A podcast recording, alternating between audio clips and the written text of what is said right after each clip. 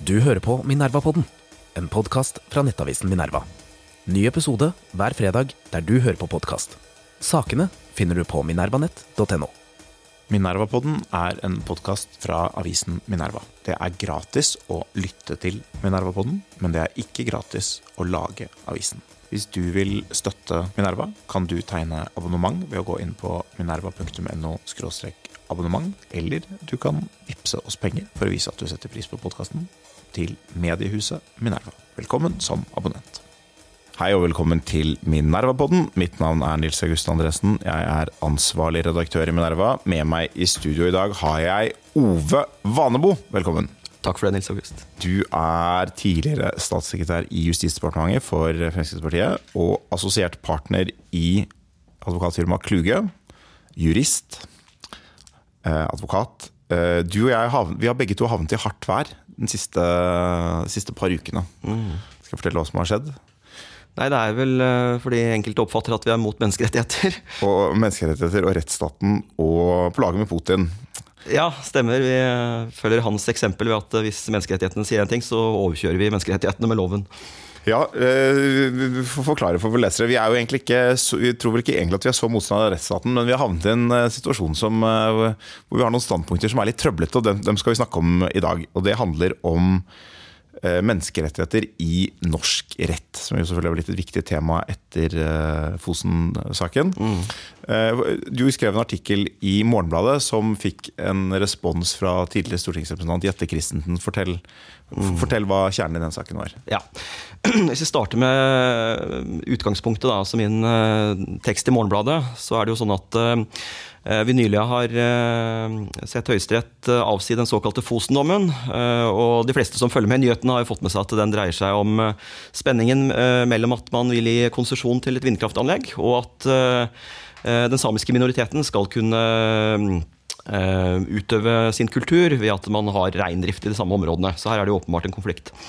I mange konflikter så vil man jo ofte løse dem politisk eller på annet vis, men i dette tilfellet så ble det en sak hvor um, man anlegger en slags sånn legal strategi og vil løse dette ved å bruke um, rettslige regler. Og det som Høyesterett kom til, var at uh, vindanlegget vil være et såpass stort inngrep i, uh, i reindriften at det vil føre til at man eh, vil krenke artikkel 27 i FNs konvensjon om sivile og politiske rettigheter, som da eh, foreskriver at uh, minoriteter vil ha rett til kulturutøvelse. Og så er jo Min catch på dette her er jo at uh, for all del, Jeg mener jo at resultatet er, er, riktig sånn ut fra gjeldende rett. Men så er det jo noen spørsmål jeg tenker man bør stille seg. Det ene er jo er det ikke en ganske klar spenning her mellom uh, ganske vage prinsipperklæringer uh, og, og, praktisk politikk? For det er jo klart at når flere regjeringer av ulike politiske farger har kommet til at Eh, vindkraftkonsesjonen var innenfor menneskerettighetene, så er det jo eh, i hvert fall interessant i retrospekt å se at det ikke var det. Eh, og Mye av grunnen til det tror jeg da, er jo at menneskerettighetene er jo ofte veldig vage, generelle, også utydelige. Og så vil domstolene fra tid til annen eh, komme til en konklusjon som er veldig tydelig og skarp, og som man kanskje ikke tenkte på da man eh, bestemte at disse rettighetene skal gjelde som, eh, som norsk lov. Mm. Og det var, så Kritikken fra Jette Christensen det var vel at jo da, dette har politikerne tenkt på. Mm. Kanskje du kan si litt om Hvordan er det disse rettighetene for de kom inn i norsk lov? Det skjedde jo på ulike tidspunkter og i ulik form. Ja. Har politikerne forstått hva de gjorde, og hvis de forsto det, var det klokt? Det er jo på en måte to, mm. to separate spørsmål. Hva, hva, hva, var ditt utgangspunkt, og hva var egentlig uenigheten her med Mette Christensen? Jeg tror at uh, det kan være fornuftig å ta et lite steg tilbake, fordi um, jeg, jeg syns at disse debattene blir veldig binære eller polariserte, hvor, hvor, det er sånn at enten så er du mener at um, rettsliggjøringen har gått for langt ved at eh, menneskerettighetene får altfor mye å si, eller eh, at andre rettigheter får veldig stor betydning, som politikerne bør kunne overstyre eller trumfe. Uh, og på den andre siden så, så har du da et andre som jeg synes målbærer mye av de samme standpunktene som Jette, som sier at nei, dette skjønte politikerne eller burde skjønne osv. Og, så og hun viser jo da til grunnlovfestingen av menneskerettighetene i 2014. Men jeg syns ikke dette er så, så enkelt. fordi For det første så skal man huske at Eh, menneskerettigheter har jo selvfølgelig også en, en slags uh, moralsk valør, ikke sant? hvor man uh, tenker seg en, en slags overnorm um, som er universell, og, um, og, som selvfølgelig da skal gjelde alle. Men samtidig så er jo dette juss, og det er også rettigheter som er vedtatt politisk. Og Man kan gjerne si at dette burde politikerne skjønt, eller um, man kan selvfølgelig også finne uttalelser i, i forarbeidene og debatter hvor politikerne uttrykker veldig klart at rettighetene skal ha betydning. skal vi se. Mm. Men eh, det er jo sånn at eh, eh, Politikere er jo sjelden veldig konsistente. Så i disse forarbeidene så kan man jo finne uttalelser som, går i alle retninger. F.eks. da mm, menneskerettsloven ble vedtatt i 1999, så mm, er det helt klart veldig mye av debatten hvor de snakker om at her skal vi på en måte sørge for at man kan underkjenne menneskerettighetsstridige lover, man skal følge internasjonal praksis og sørge for at Norge blir et, eh, på mange måter et foregangsland. Men så sier jo samtidig også eh, justisminister Odd Einar Dørum at eh, nå er vi Det er jo klart at eh, selv om vi skal være et foregangsland og legge veldig stor vekt på menneskerettighetene, så er det jo sånn at innholdet i disse rettighetene skal jo i stor grad utformes gjennom nasjonale organer. Da, sånn typisk politikere og, nasjonale domstoler. Mm. Og eh, jeg tror også at Hvis du snakker med politikerne den gang hva de så for seg, så, det jo, eh, så kan man jo selvfølgelig ikke forutse hva, ikke sant, hva vil retten til liv eller retten til privatliv medføre av, av implikasjoner videre. ikke sant? Mm. Og Det er jo sjelden at noen av disse rettighetene er veldig absolutte. Ofte så skal, er, kreves det at de er forholdsmessige eller kan avveies mot andre hensyn. Og Derfor så tror jeg også at man glemmer eh, at dette er for det første, det er, det er politikk på mange måter. Eh, det er ikke veldig klart hva en eh, generell prinsipperklæring vil kunne eh, ende opp som når du skal lage en fastere regel. Og for det tredje så tror jeg at det er veldig lett å etterrasjonalisere i ettertid og si at jo, jo, dette visste man egentlig. ikke sant? Si, altså, det, det, vi må gi Jette rett i, er at hun er, hun er jo et levende vitne på hva, hva, hun tenkte, i fall den gangen. Så hun har formodentlig forstått eller ja, akseptert at det var dette man vedtok. Ja, det, er jeg uenig i. at hun forsto det selv? Ja, ja eh, eller også eh, Jeg skal ikke ta munnen for full, fordi mm, det er klart at jeg, jeg tror nok Jette mer enn mange andre politikere skjønte implikasjonen av dette.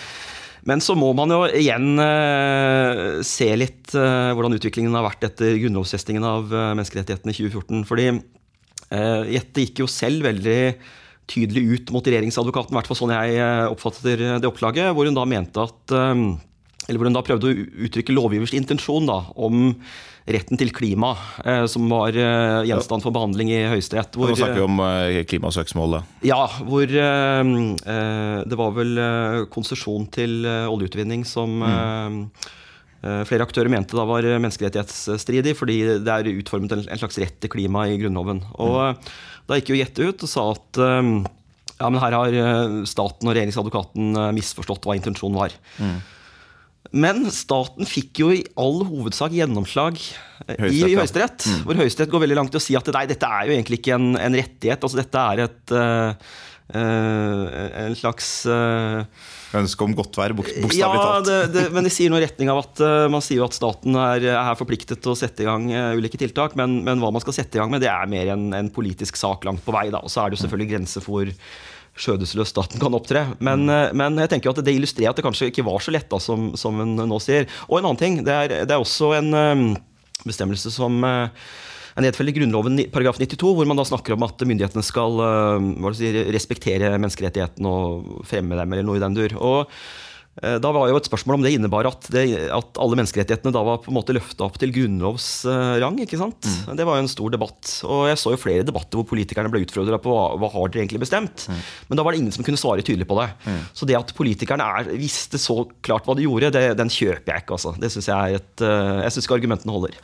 Nei, altså, jeg, jeg, tør ikke å si hva, hva Jetta mente, men jeg tror det er jo en, en vanskelig ting med den type lovprosesser er at uh, det er jo 169 lovgivere eh, ja. som kan ha ment ganske ulike ting, selv om de står bak det samme vedtaket, nettopp fordi det vedtaket er vagt, mangetydig og forarbeidene spriker. Og, og, selv om vedtaket i og for seg er eh, klart, Ja. eh, og, og må legges til grunn selvfølgelig av Høyesterett, og, og sånn, så kan man jo ha hatt veldig ulike forståelser av det, og ikke minst veldig ulik fantasi eh, Ja. til å forstå hva som kan komme i fremtiden. For man, Ja. man kan jo, man, det er ofte sånn at man anvender dette på saker som man allerede har kjent. Ja.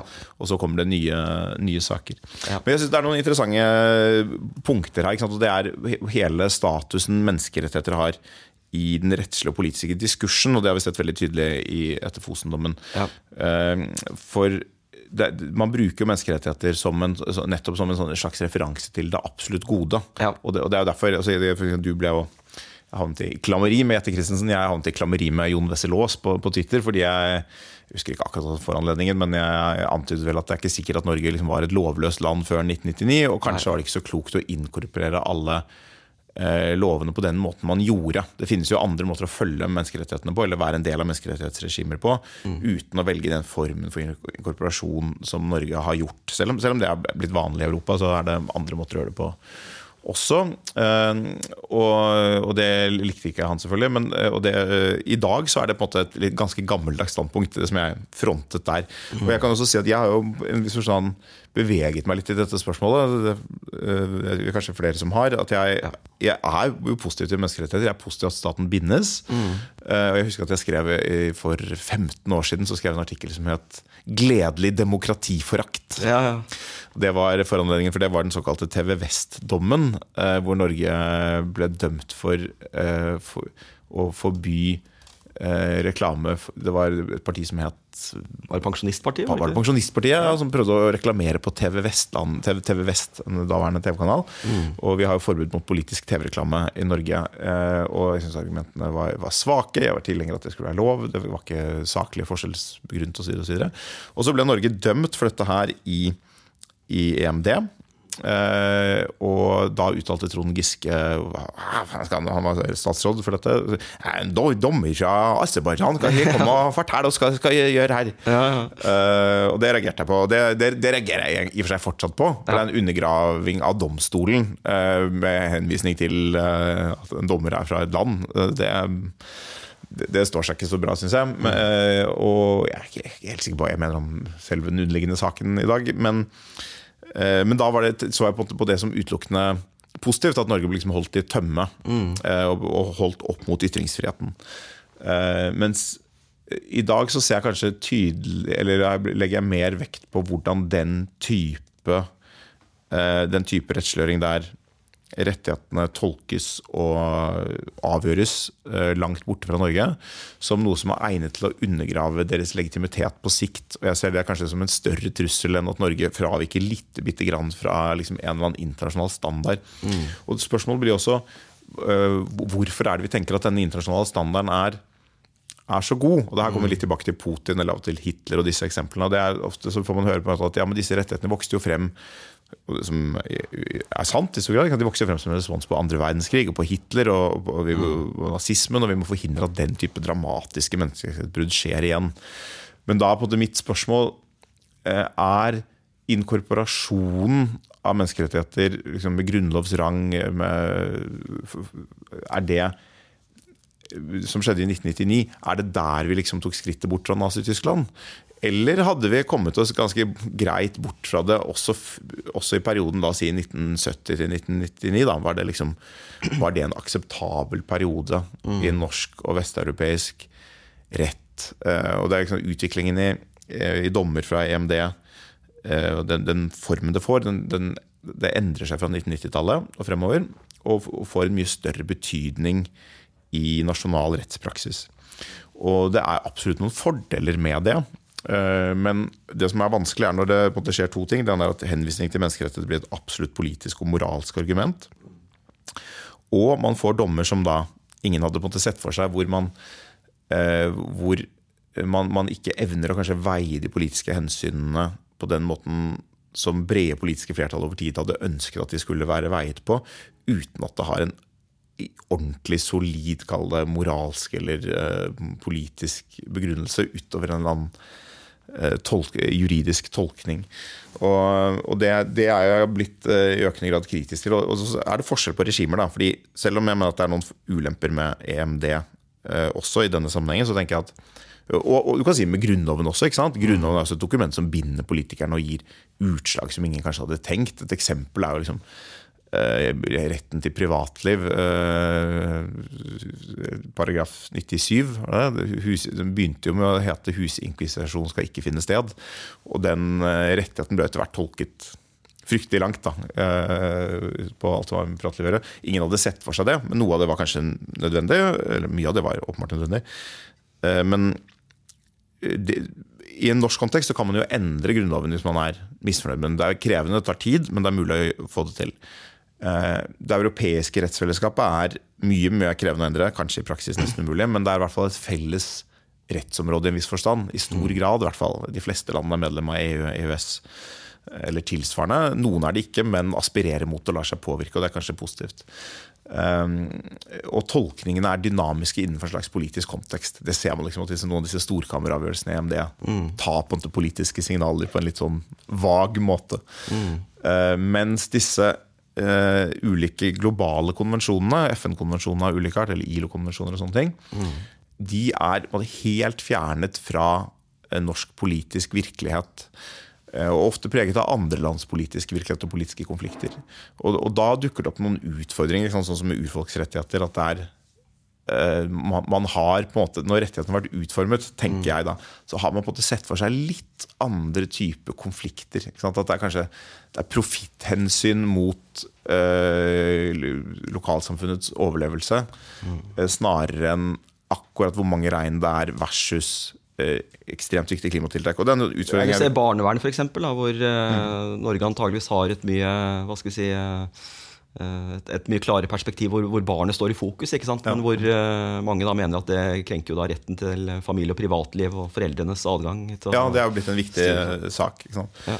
Og da er spørsmålet hvorfor er, så, så lenge vi har dette internasjonale normen Eh, det er ikke det at vi ikke skal, Noen ganger så må man legge den til grunn selv om vi ikke er enig. Mm. Men, men, når den også får denne Når man bruker menneskerettighetene Du er mot menneskerettighetene, du er mot rettsstaten. Mm. Det ødelegger litt av diskusjonen. Er dette klokt? Gir det gode resultater over tid?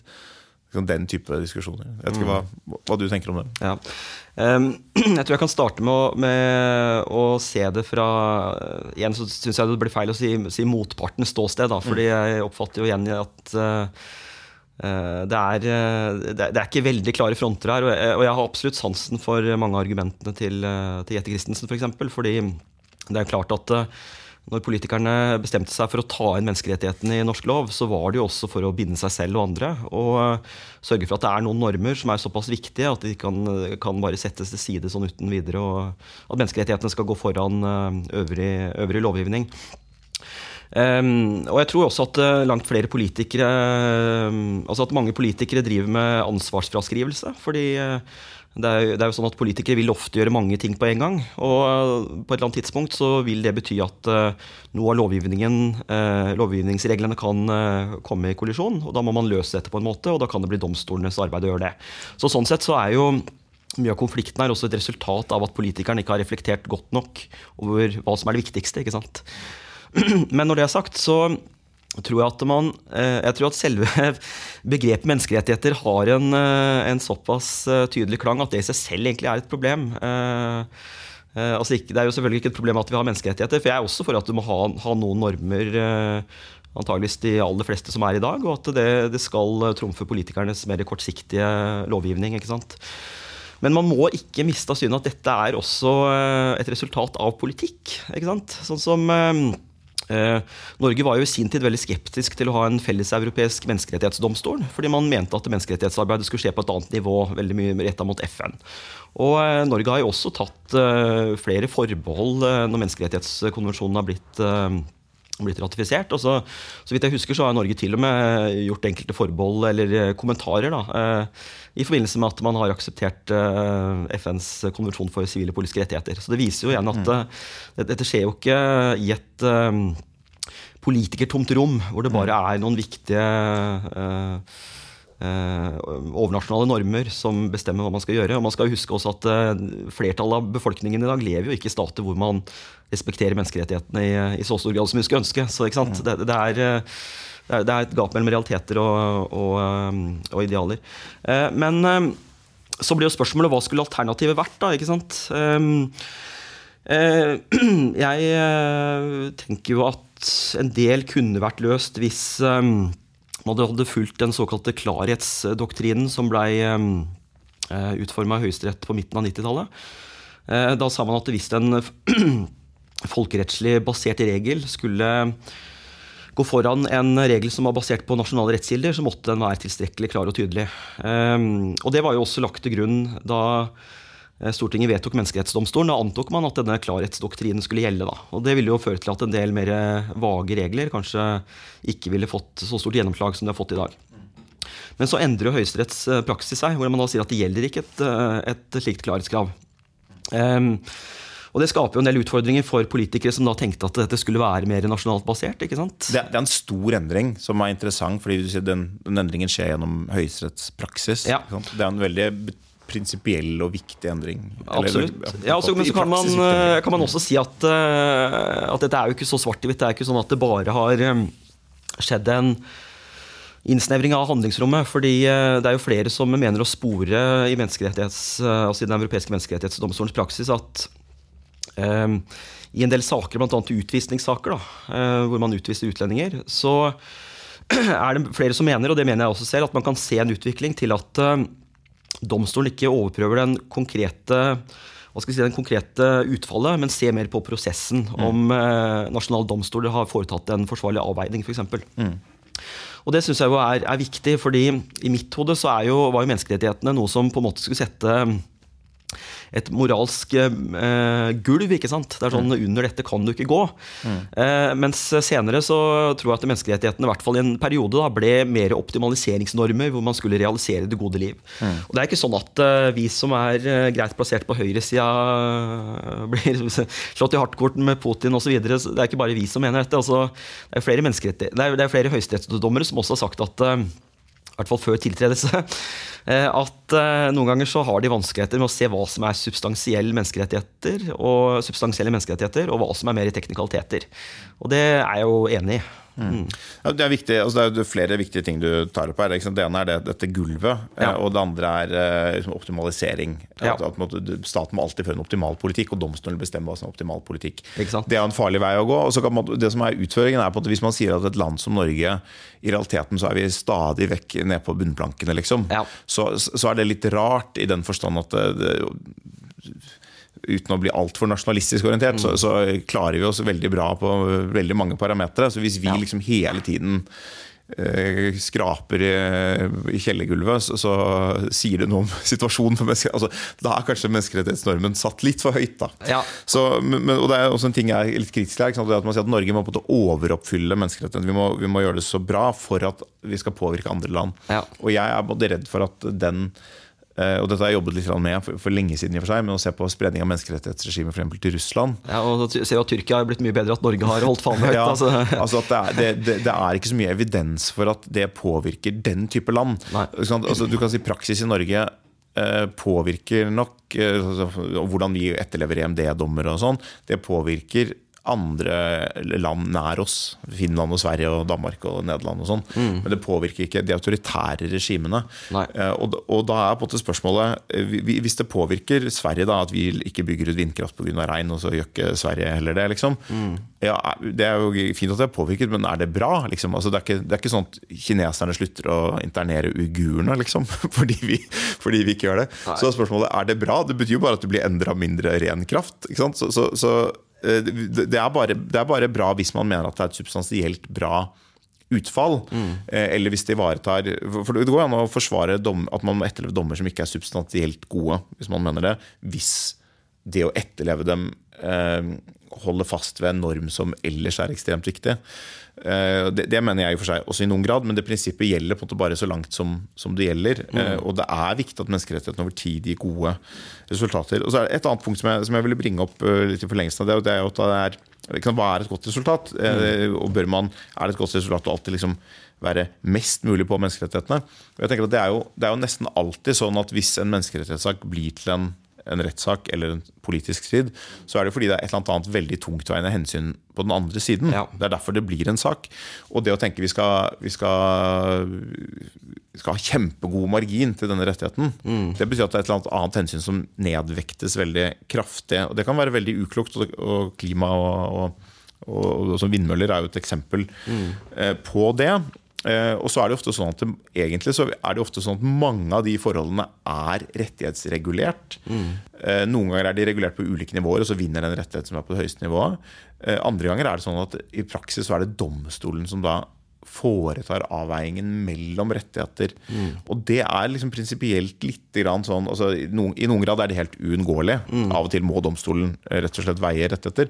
Men, men hvis det skjer i veldig stor utstrekning, så flytter man jo på en måte den rettighetsavveiningen eller hensynsavveiningen inn i domstolen. og Det er et problem. og jeg synes Denne Fosen-saken er jo et eksempel på det. Mm. ikke ja, Hvis du bare tar denne saken isolert, så er det ikke så vanvittig alvorlig. på en måte. Det er 1,7 eller 8 terawattimer kraft det er snakk om. Men, men la oss bare anta, eh, liksom, bare for argumentets skyld, si at denne type konflikt eh, La oss si at, det, for denne artikkel 27 den har ikke denne såkalte skjønnsmarginen. Så hvis det, man først sier dette truer det er uforenlig med reindrift, så er det, på måte, finnes det ingen hensyn som er sterke nok til å veie imot. Det er, det er sånn Høyesterett skriver det.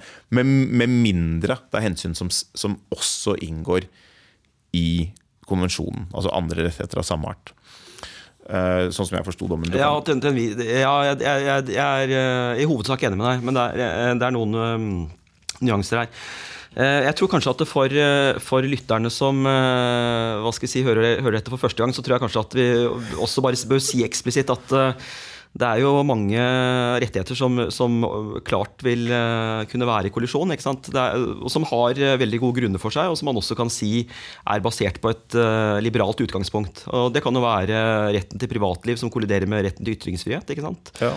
Det kan være mm, Rasediskrimineringskonvensjonen mot ytringsfrihet, altså rasismeparagrafen, er jo Ja, samme type. Og barns, rettighetskollisjon. eh, barns rettigheter og religionsutøvelse. Begge deler er jo eh, liberale, gode, gode hensyn, ikke sant? Men, men, men la meg bare ta et eksempel med kraft, så kan du se hva du tenker om det. Ja. La, la oss si at dette vi kan tenke oss en situasjon der dette ville gjelde for hele Nord-Norge og, og kanskje mer. Mm. Og at Norge måtte avlyse liksom 80 terawattimer med kraftutbygging av hensyn til eh, noen tusen eh, reinsdyr.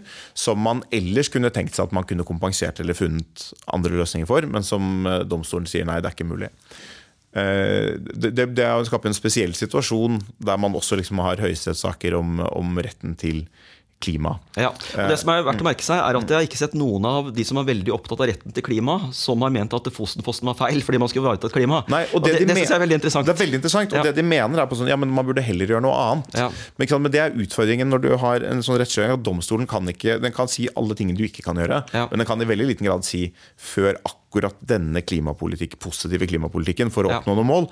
Og saken er jo ofte det, ikke sant, at når man sier ja, men vi forutsetter at man løser klimapolitikken på en annen måte, Ok, Mm. hvilken? Det er, det er ganske vanskelig å løse disse sakene. Man kan ikke alltid bare løse ting på en annen måte. Og Nei. det er en utfordring. så Det er av og til noe som domstolene forutsetter at ja, ja, dette, dette får de finne en annen løsning på. liksom. Ja, men der, er- der tenker jeg at det er en litt eh, Det er en interessant nyanse her eh, når det gjelder særlig Fosen-dommen, som jeg tenker er greit å ha, ha i bakhodet. Det ene er at det, det er jo riktig som, som Høyesterett sier at uh, i utgangspunktet så kan man ikke avveie retten til kultur, kulturutøvelse mot uh, andre hensyn. Men så sier også domstolen at det kan være andre rettigheter som, som retten til kulturutøvelse kolliderer med, og så må man da tolke retten til kulturutøvelse innskrenkende. da. Ja, ja. Så man kunne jo Ja. finne på å si at jo, men hvis eh, klimaendringene kommer, så vil det undergrave i hvert fall uh, muligheten fra reindrift. Altså, man kunne sagt noe sånt da. Eh, men, men eh, så er det jo også interessant å merke seg at det, det jeg leser at Høyesterett er veldig opptatt av, er at eh, Eh, Retten utelukker ikke at man kan finne en eller annen kompensasjonsordning som gjør at man likevel unngår krenkelse av artikkel 27 i, eh, i eh, konvensjonen for politiske og sivile rettigheter. Men man sier at eh, her er det såpass uklart om dette opplegget holder vann. ikke sant? For det, det er ikke noen som har utreda det eller argumentert for det eh, klart for de domstolene. Det virker ikke som om staten har hatt en veldig, eller tilstrekkelig klar idé om hvordan dette skal gjøres. Så jeg opplever at domstolene på en måte har en eh, en åpen invitasjon til lovgiver Ja eh, om at eh, hei sann, hvis dere klarer å finne en eh, mer gjennomtenkt, fornuftig eh, størrelse på dette, denne kompensasjonen, så kan det kanskje likevel gå, da. Ja, altså, det er jo litt mitt inntrykk. Og mitt inntrykk er, du kan si at Av de konvensjonene vi har, så mener jeg at SP, altså konvensjonen om sivile og politiske rettigheter, er på en måte den det er mest naturlig Ja. å inkorporere hvis vi først skal inkorporere noe. Og denne dommen er heller ikke så dramatisk som, eh, som eh, den i seg selv er ikke så dramatisk som det politiske spillet rundt den siden er blitt. Så dette er ikke nødvendigvis liksom, Dette er ikke en katastrofe, dette her, Nei. egentlig. Dette går egentlig ok, men det løfter opp noen interessante prinsipielle spørsmål som det er verdt å reflektere rundt. Jeg tror nok at en grunn til at eh, staten også har brukt lang tid, det er flere grunner. Du kan si sant, Det har vært en kraftkrise som OED har sikkert vært Olje- og energidepartementet har vært overarbeidet, og, regjeringen har eh, ikke lykkes eh, godt nok med disse tingene. Men de har nok også tenkt at eh, det er en invitasjon til å finne en løsning, og da jobber vi med å finne en løsning. Ja. Og så plutselig så får de noen demonstrasjoner og masse jurister som sier dette er pågående menneskerettighetsbrudd og, og driften er ulovlig og sånn, sånn som jurister alltid sier. Det er, det er, jeg tror Omkostningene for jusprofessorer ved å hevde at eh, et eller annet er i strid med menneskerettighetene, den er, er dessverre veldig lav. Jeg mener at altså, Inntil du finner en, en rettskraftig dom som eh, dømmer staten til å gjøre noe helt konkret, så burde man være, være litt moderat. Jeg, jeg, jeg bare sier hva jeg, hva jeg selv pleier å si når jeg blir spurt om den problemstillingen. Det, det er at eh, jeg syns det er, vil være fullstendig uforsvarlig av meg som eh, advokat og jurist og, og medmenneske, holdt jeg på å si. Eh, og Jeg vet ikke om alle tok denne referansen til, til Hadia og Trond Giske. Men, men, men jeg pleier alltid å, å, å si sånn, i sånne saker hvor det er veldig høy temperatur, at før jeg mener noe om det, så vil jeg gjerne utrede i noen dager. For jeg, eh, jeg, jeg syns det er altfor lett som du sier, å bare kaste ut en påstand om at dette er menneskerettighetstid, eller at det er greit. Altså, jeg, jeg, det er jo en grunn til at de betaler oss i dyre dommer for å utrede dette som, som advokater. Eh, og, og her tror jeg at eh, litt mer nøkternhet kunne vært på sin plass også. Ja. Eh, hvis noen hadde laget en grundig fagartikkel som har uh, fått noen innspill fra fagfeller, hvor de har kommet med kritiske Mm. kommentarer og, og får også input fra andre som er uenige, så tror jeg at mm, kanskje kunne trukket en konklusjon. Men, men akkurat nå så syns jeg at det blir eh, uforsvarlig å bare kline til så tydelig. Altså.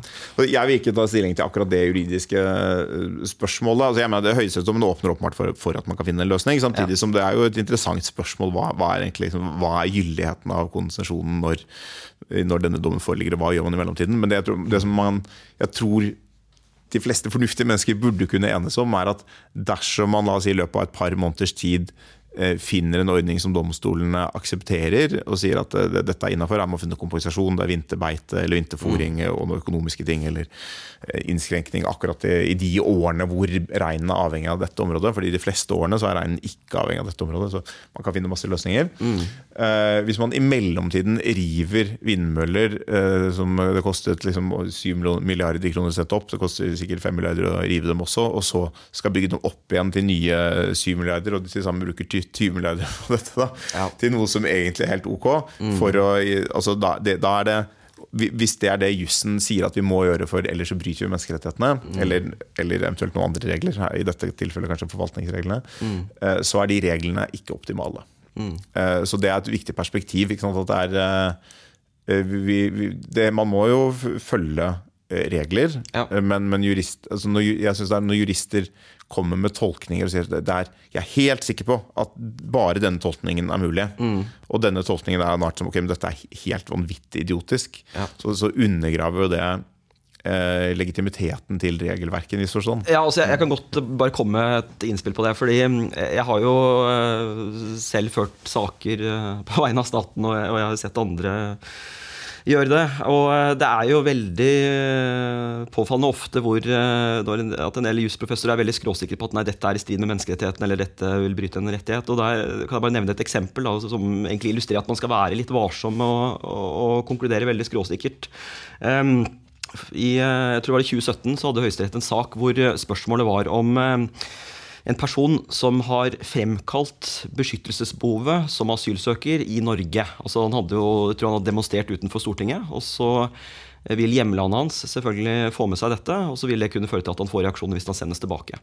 Og Da var jo spørsmålet om den situasjonen var dekket av flyktningkonvensjonens definisjon av hva en flyktning er. ikke sant? Mm. Såkalte sur place-flyktninger, altså på stedet. Og det som eh, en, en jusprofessor som da var rettslig medhjelper i Høyesterett, sa da når han prosederte dette, var at eh, nei, altså statens argumentasjon i denne saken den eh, ville stått til stryk hvis dette hadde blitt anført på eksamen på annen avdeling eller tredje avdeling. ikke sant? Mm. Men staten vant jo frem i Høyesterett. Og eh, Det er derfor jeg tror at de fleste, fleste jurister som har vært i en del uh, klinsjer og saker hvor du, blir, du får kasta påstander om menneskerettighetsbrudd fra den ene og den andre, har et litt mer nøkternt forhold til det. Altså, dette er, dette er uh, juss, dette er rettsvitenskap. Og det er ikke sånn at man bare kan utrede et veldig klart, tydelig innhold. Altså, dette må tolkes, også i lys av andre kilder og hensyn det, det, er et viktig innspill. og det, det, er jo på en måte litt egnet til å moderere litt en del av de, den, eh, det jeg har sagt hittil i dag. På en måte mm. Litt sånn kritisk holdning til uh, hvordan er dette egentlig forankret, hvordan kan vi endre det, hva er forholdet mellom politikk og jus her. Ja. Uh, men det som er en viktig uh, nyansering av hele den kritikken, er at i veldig stor grad så gjør domstolene Eh, sitt beste for å ivareta handlingsrommet. Mm. Og, det, og, det et, og, det, er også stort sett et veldig viktig fokus for myndighetene. Og det skyldes jo nettopp det at den tanken om at man skal ligge liksom tettest oppå det en eller annen jusprofessor til enhver tid mener er rettighetene, ja. det er både politisk og, og liksom juridisk og etisk uklart tenkt. men heldigvis så skjønner både politikere og domstoler i veldig stor grad det. Ja. Sånn at veldig ofte så, så viser dommene at det, det er handlingsrom. og, og man forstår at lokal kontekst uh, spiller en rolle, og at, at, reglene er vage og, og, åpner opp for det. Ja. Og så er det noen ganger at man uh, syns at dommer er dårlige, selvfølgelig. Og, det, og, sånn vil det alltid være. Altså, det vil jo alltid være sånn at uh, uansett hva som er regelverket, så vil noen av og til mene at dommene Eller jeg, vil jeg av og til mene at dommer er dårlige, eller, mm. eller, jeg vil mene at dommen er riktig, men gir et dårlig resultat. Ja, og så tror jeg det er, det er veldig lett å konkludere med at dommere opptrer politisk. Uh, mm. Og det kan jo selvfølgelig være tilfellet. Og det er jo også min, min bekymring med at vi får veldig mange menneskerettigheter. Altså, det var jo noen som hadde prøvd å telle opp eh, antall bestemmelser eh, i ulike menneskerettighetsinstrumenter. Og da kom to jurister fram til at eh, hvis du er et eh, noenlunde sivilisert europeisk land, så vil det være underlagt 1377 ulike menneskerettighetsbestemmelser.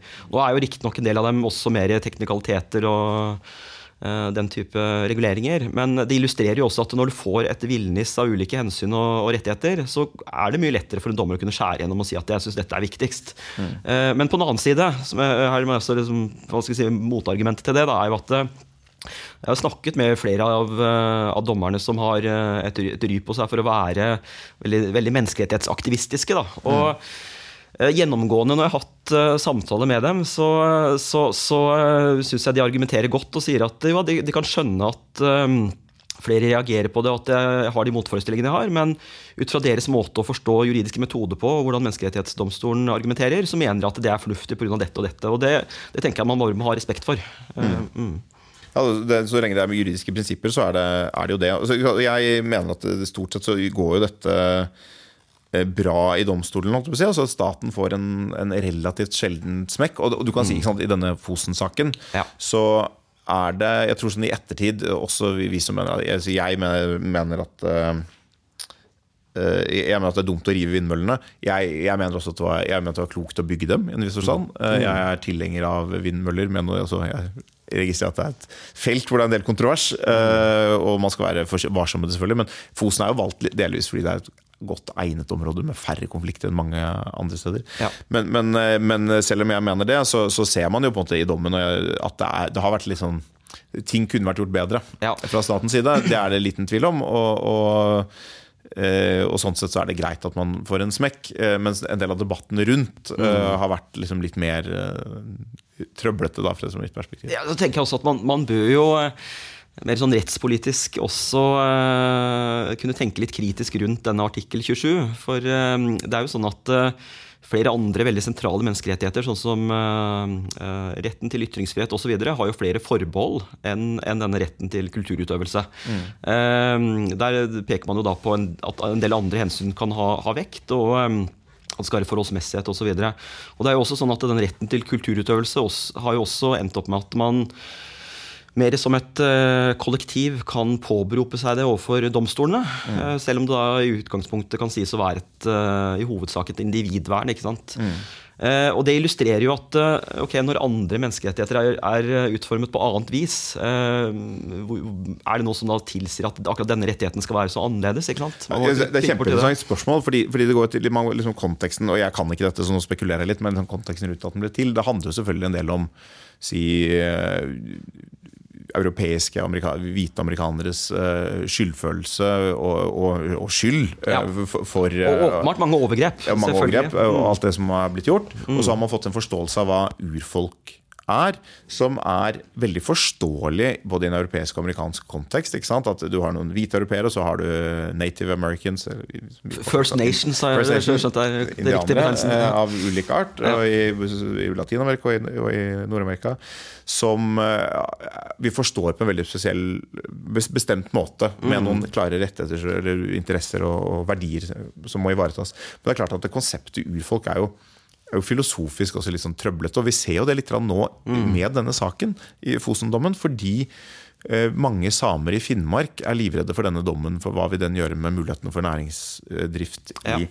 Finnmark. Eh, og, det, det, er en sånn Retten til å bevare sin kultur er viktig, men det er også viktig for urfolk. Det er viktig for mennesker å ha muligheten til å utvikle, endre sin kultur, eller også til og med til å si, til, si, å utvikle sin identitet. Det er ikke sikkert mm. man vil ha den identiteten så sterkt, eller i hvert fall at man vil endre den. Mm. Uh, og hva gjør man med det? det? Det, er klart at Dette rettighetsregimet er i, og for seg kompatibelt med det, men det skaper også noen type dilemmaer hvor det er en, en slags frykt at man kan få at urfolkskultur er noe som blir frosset i tid. Mm. Hvor man sier at uh, på en helt særegen måte så har urfolk rett til å bevare reindrift som en næring. Vi sier jo ikke liksom at skomaker har rett til å bevare skomakerdrift som en næring. Nå har det i og for seg dukket opp en skomaker på, på hjørnet her av Prinsens gate, så, så, det, så det, det, lever ennå. Men, men eh, vi tenker ikke om andre næringer. Så det er, annet, det er, et eller annet, helt spesifikt med konteksten begrepet urfolk ble til i, mm. som fortsatt er aktuelt.